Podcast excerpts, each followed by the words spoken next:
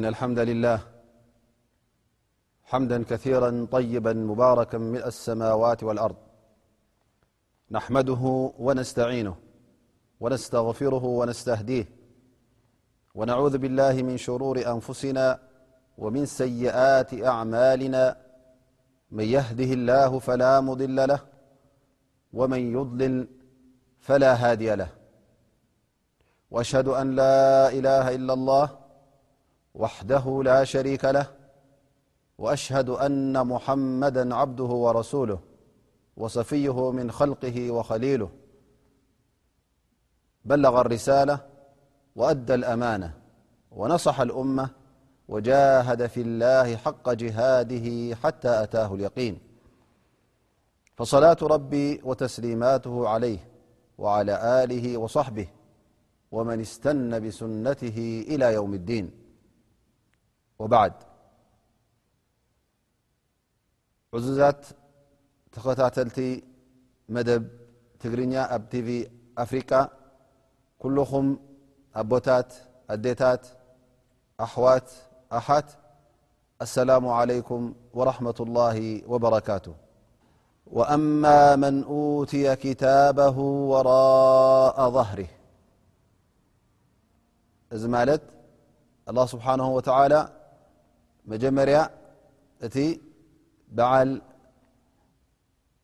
ሰናይ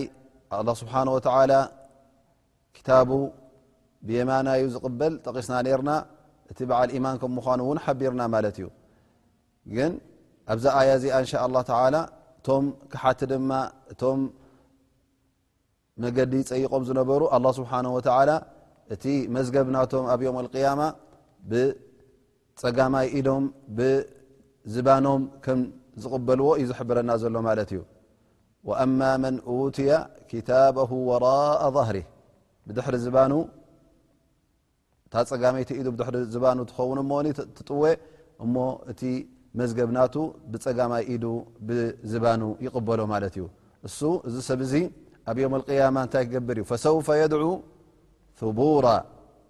ፈሰውፈ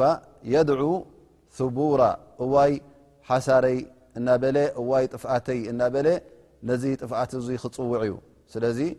ኣብ ጥፍኣትን ኣብ ክሳራን ኣብ ሕስረትን ከም ዘሎ እውን ይፈልጥ ማለት እዩ ምክንያቱ እቲ በፂሕዎ ዘሎ መድረክ ምስ ረኣየ ወየስላ ሰዒራ ከምኡ ውን እሳተ ጀሃነም ክኣቱ እዩ እሳተ ጀሃነም ክቐምሳ እዩ ክጥዕማ ዩ ብኣ ድማ ነፍሱ ስውነቱ ክቃፀልን ክነድድን እዩ እነሁ ካነ ፊ ኣህሊ መስሩራ እዚ ሰብ እዚ ገና ኣብ ኣዱንያ እንከሎ ሕጉስ እዩ ነይሩ በቲ ጥፍኣቱ ስለምንታይ ጥፉእ ስለ ዝኾነ በቲ ጥፍኣቱ ሕጉስ እዩ ነይሩ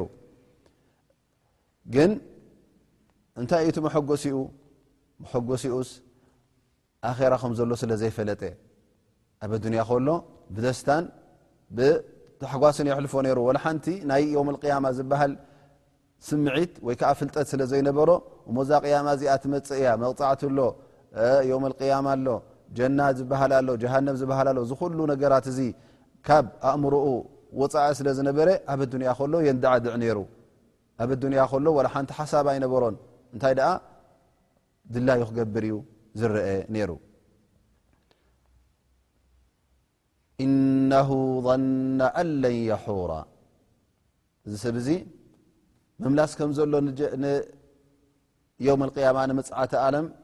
ናብ ኣላ ስብሓን ወተላ ከም ዝምለስ ይኣምን ኣይነበረን እንታይ ደኣ እዛ ኣዱንያ በታ ዝነብራ ዘሎ ክትነብር እያ ምስ ሞተ ድማ መፈፀምታኣን መደምደምታ በዚ እዩ ሞኒ ድሕሪኡ ትንሳኣ ዝበሃል የለን ቅያማ ዝበሃል የለን እናበለ ስለ ዝኣምን ዝነበረ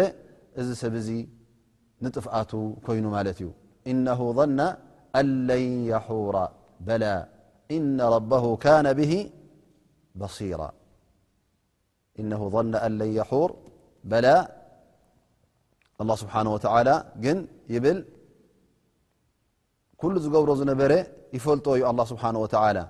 ካብኡ ዝሕባእ ነገር ኣይነበረን ምክንያቱ ኩሉ ምንቅስቃሳት ንኣላ ስብሓን ወተላ ይፈልጦ እዩ ኩሉ ምንቅስቃሳት ንኣላ ስብሓን ወተላ ይርኦ እዩ ስለዚ ኣላ ስብሓን ወተላ ድማ በቲ ንገብሮ ዝነበርና ገበናት በቲ ንፍፅሞ ዝነበርና ተግባራት ኣላ ስብሓን ወተላ ኣብ ዮም ልቅያማ እንተ ሰብ ሰናይ ኮይና እቲ ሰናይ ተኣኪቡልና ክፀንሕ እዩ ሞሳና ክንቅበል ኢና እንተ ካልእ ኮይኑ ግን መቕፃዕቲ ይፅበየና ኣሎ ማለት እዩ ላ ስብሓ ወላ ነዚ ከ ሓደ ዚ የጠንቅቆ ሎ ርእካ እዩ ዘሎ ኩሉ ምንቅስቃሳትካ እንታይ ትገብር ከም ዘለካ ስብሓ ወላ ይፈልጦ ዩ ሞኒ ተጠንቀቕ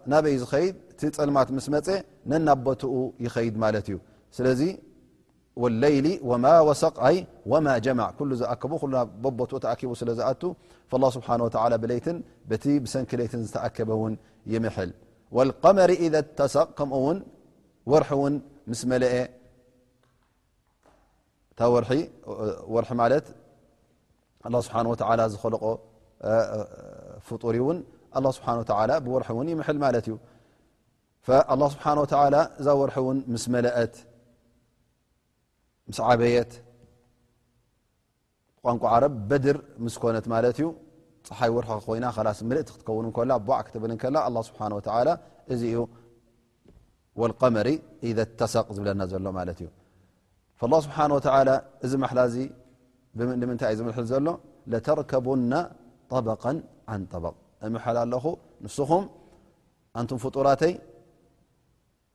በቢ ዓይነቱ መድረኽ በቢ ዓይነቱ ኩነት ክመፃኩም ከም ምዃኑ ወዲ ሰብ እንተ ርእናዮት ኩነታት ናቱ ካብ ኩነት ናብ ኩነት ካብ መድረኽ ናብ መድረኽ እና ተቐየረ እና ተለዋወጠን እዩ ዝኸይድ ገና ኣብ ከርስዲኦ ከሎ እንታይ ነይሩ ዳሕራይ ከም ህፃን ኮይኑ ይውለድ ህፃን ኮይኑ እናዓበየ ይኸይድ ዕሸል ኮይኑ እናዓበየ እናዓበየ ክሳዕ ዝኣርግ ክሳዕ ናብ ሞት ዝበፅሕ ወይ እውን ለተርከቡና ጠበቃ ዓን ጠበቅ ይብሉ ካብ ሃብቲ ናብ ድኽነት ካብ ጥዕና ናብ ሕማም ካብ ሕማም ናብ ጥዕና ዝተፈላለየ መድረኻት እዩ ወዲ ሰብ ዝሕልፍ ኣብዛ ሂወቱ እዚኣ ላ ስብሓን ወተላ ይምሐል ኣሎ ማለት እዩ ኣንታ ወዲ ሰብ ከምዚ ዝኣመሰለ መድረኻት ከተመሓላልፍ ከም ምዃንካ ተርከቡና ጠበቀን ዓን ጠበቅ ፈማ ለሁም ላ ዩእሚኑን ኣላ ስብሓን ወተላ እዚ ኩሉ ነገራት እናርኣዮም እንከሎ እዚ ኩሉ ተኣምር እዚ ኩሉ መርትዖታት ኣውሪድሎም እንከሎ እንታይ ኮይኖም እዮም እዞም ደቂ ሰብ ምእማን ዝኣብዩ ዘለዉ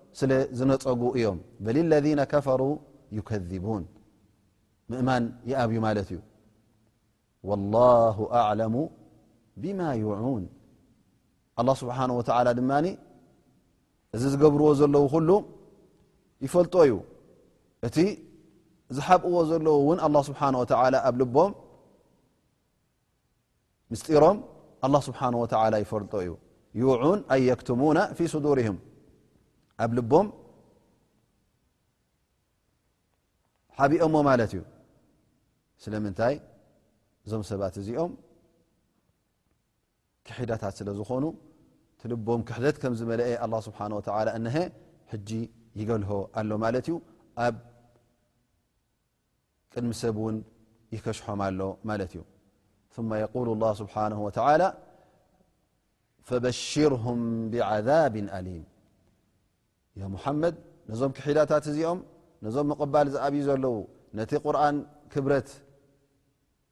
ኢሎም ዘይሰጀዱ ብኣኻ ዘይኣመኑ በቲ ንሕና ዘውረድናዮ ክታብ በቲ ሓቂ ዘይኣመኑ እዞም ሰባት እዚኦም ፅባሕ ንግሆ መቕፃዕቲ ፅበዮም ከም ዘሎ ኣበስሮም ኢኻ ኣጠንቅቆም ኢኻ ፈበሽርም ብዓዛብ ኣሊም እቲ ኣዝዩ መሳቀዪ ዝኾነ መቕጻዕቲ ብኡ ኣጠንቅቆም ኢኻ ኣበስሮም ክበሃል እንከሎ ስለምንታይ እዩ ምክንያት ብስራት መብዝሕቱ ግዜ ኣብ ሰናይ ነገር ኢኻ ትጥቀመሉ ግን ኣላ ስብሓን ወተላ ሕጂ ወላ ታእከይ ከላ በዚ ኣበስሮም ክበሃል እንከሎ ዝያዳ ንዕኦም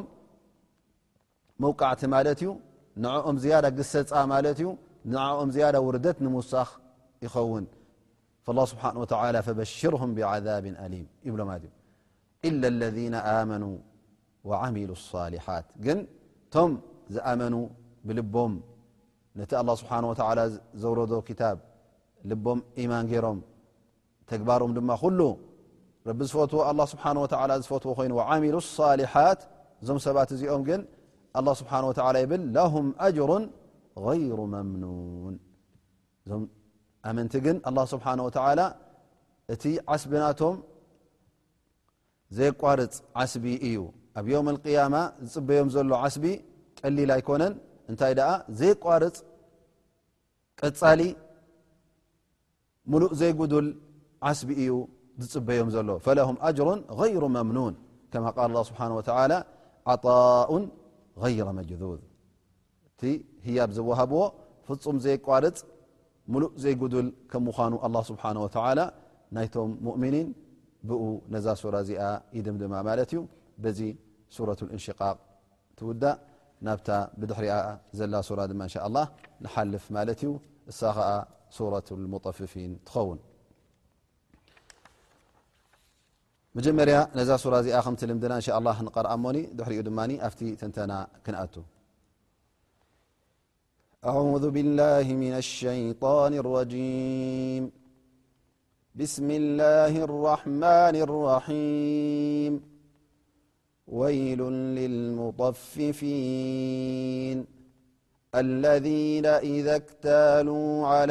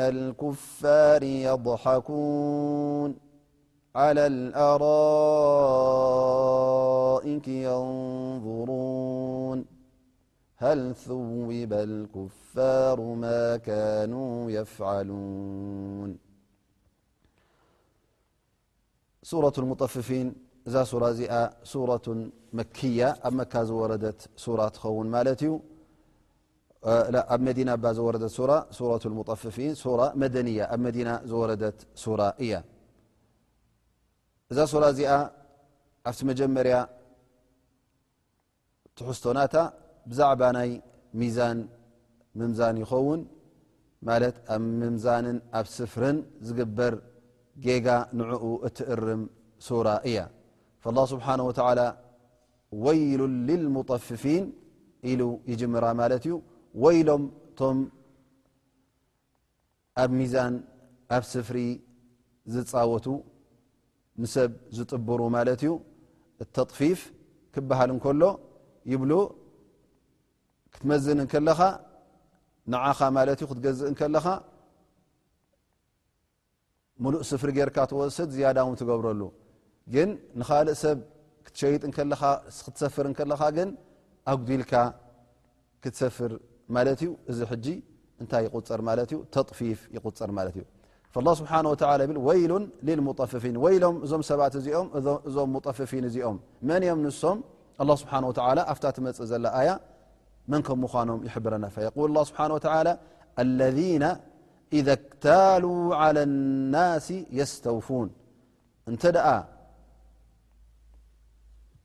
ክገዝኡ ከለዉ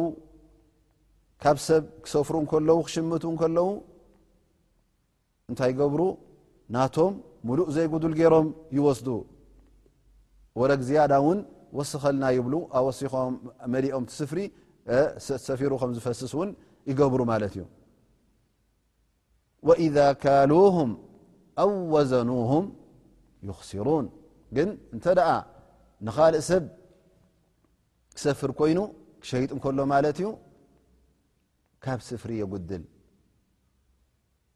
ርብዒት ዝገዝኣልናን ርብዒት ዝሸጠላን በበይነን ይገብረን ማለት እዩ ክገዝእ እንከሎ ብዓባይ ርብዒት ይገዝእ ክሸይጥ እንከሎ ድማ ብንእሽተይ ርብዒት ወይ ከዓ ብንእሽተይ ስፍሪ ገይሩ ይሸይጥ ማለት እዩ ወይ ጨፍሊቑ ኮይኑ ወይ ውን ካልእ ዓይነት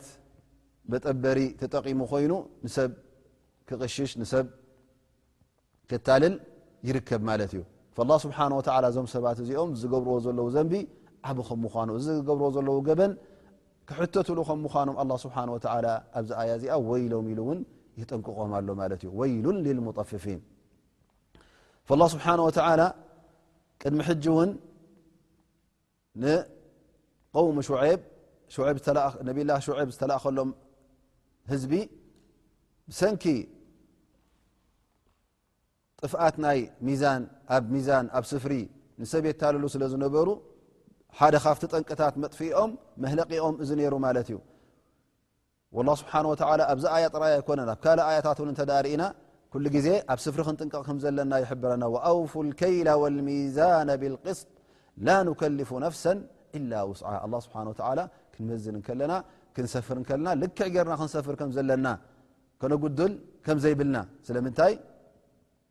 ሙሉእ ዘይጉድል ጌርና ክንህብ ኣለና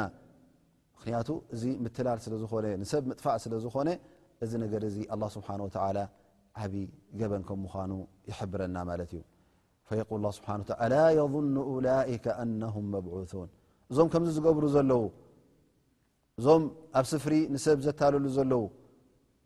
ጽባሕ ንግሆ ትንሳኤ ከም ዘሎ ካብ ቀብሪ ረሲዖም ድዮም? ኣይፈርሁን ድዮም? ካብዚ መዓልቲ እዚ እዚ ቅያማ እዚ ዝበሃል ከም ዘሎ ረሲዖም ድዮም? ኩሉ እቲ ዝገብርዎ ዝነበሩ ሎም መዓልቲ እወ ክጥበሩ እንከለዉ ንሰብ ኣብ ስፍሪ ንሰብ ከታልሉ ከለዉ ምናልባሽ እቲ ዝገዝእ ዘሎ ኣይ ርድኦን ይኸውን ኣይፈልጥን ይኸውን ምክንያቱ እቲ ዝጥቀምዎ ስልቲ ዝጥቀምዎ ዘለዉ ምስጢር ክርድኦ ስለ ዘይከኣለ ምሉእ ዝሰፈርሉ ይመስሎ ግን ፅባሕ ንግሆ እዚ ሕቡእ ነገር እዚ ኣብ ቅድሚ ኣላ ስብሓን ወተላ ሕቡእ ስለ ዘይኮነ ክግላህ እዩ ክረአ እዩ እሞ እዞም ሰባት እዚኦም እዚ ተግባር ዝገብሩ ዘሎ ኣይፈርሁ እንድኦም ቁሩብ ከ ካብ ጎይታ ካብ ኣላ ስብሓን ወተላ ነፍሶም ኣየንቀጥቅጥን ድዩ ኣላ የظኑ ኡላይካ ኣነሁም መብዑሱን ፅባሕ ንግሆ ንምለስ ኢና ናብ ጎይታና ፅባሕ ንግሆ ትንሳኤ ኣሎ ሞት ኣላ ድሕሪ ሞት እውን ሕሳብ ኣሎ ኣላ ስብሓን ወተላ ክሓስበና ኢሎም ከ ቅሩብ ኣይሓስቡን ድዮም የውመ የቁሙ ናሱ ልረቢ ዓለሚን ኣብዚ መዓልቲ እዚ ኩሉ ሰብ ኣብ ቅድሚ ኣላ ስብሓን ወተላ ደው ክብል እዩ ንምንታይ ንሕሳብ ኣላ ስብሓን ወተላ ክሓስበና መዓልቲ ፀብፃብ እንታይ ከም ዝገበርካ እንታይ ኣጉዲልካ እንታይ ወሲኽካ እንታይ ነኪኻ ኣላ ስብሓን ወተላ ኩሉ ወዲ ሰብ ኩሉ ፍጡር ኣብ ሓንቲ መዓልቲ ደው ከብሎ እዩ ሑፋተን ዑራተን ጉሩላ ጥራይ ነፍስኻ ጥራይ እግርኻ غሩለን ዘይጉሩዝ ማለት እዩ ከይተገረዝካ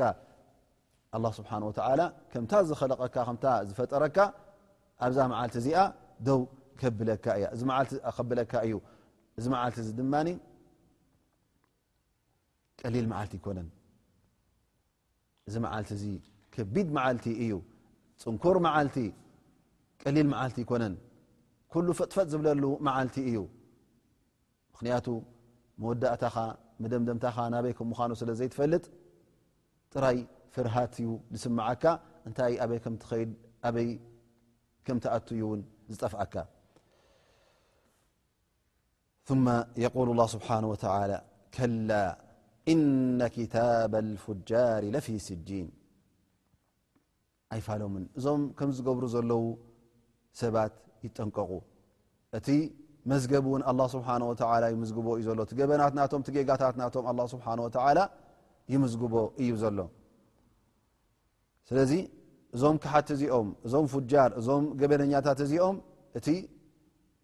መዝገብ ናቶም ኣላ ስብሓን ወተዓላ ኣብ ስጂን ዝተባህለ ቦታ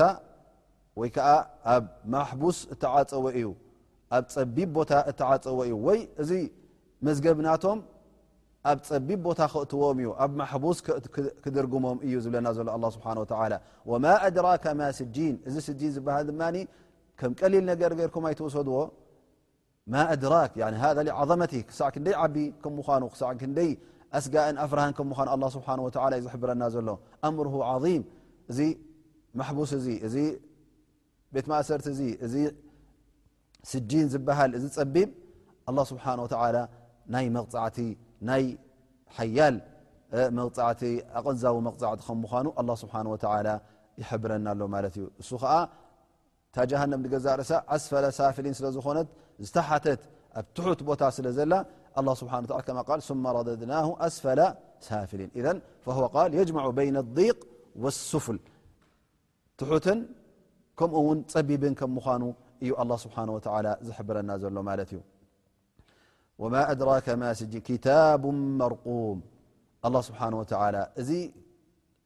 መዝገብ እዚ መፅሓፍ ድማ ኣላ ስብሓን ወተዓላ ንክፀሓፍ ዝኣዘዞ እዩ ተፃሒፉ እዩ እውን ተወዲኡ ክታቡን መርቁም ቀደም ተፃሒፉ እዩ ዝውሰኽን ዝንከን የብሉን ስለዚ ካብኡ ክትወፁ የብልኩምን ثማ የቁል ላ ስብሓን ወተላ ወይሉ የውመኢذ ልልሙከذቢን ወይሎም እቶም ዝኣብዩ ዘለዉ እቶም ዝሕስቡ ዘለዉ እቶም ሓቂ ምቕባል ዝኣብዩ ዘለዉ ይብለና ኣላ ስብሓን ወተላ እንሻ ላ ኣብ ዝመፅ ዘሎ ደርስና ድማ ካብዚ ኣያ እዚኣ ክንምልእ ኢና ናይ ሎም መዓልቲ ደርስና በዚ ይድምደም ኣቁሉ ቀውሊ ሃذ ወሰላሙ ዓለይኩም ወራሕመት ላ ወበረካት ክሳዕ ዝመፅ ዘሎ ደርሲ ንራኸብ ብደሓን ቀኒ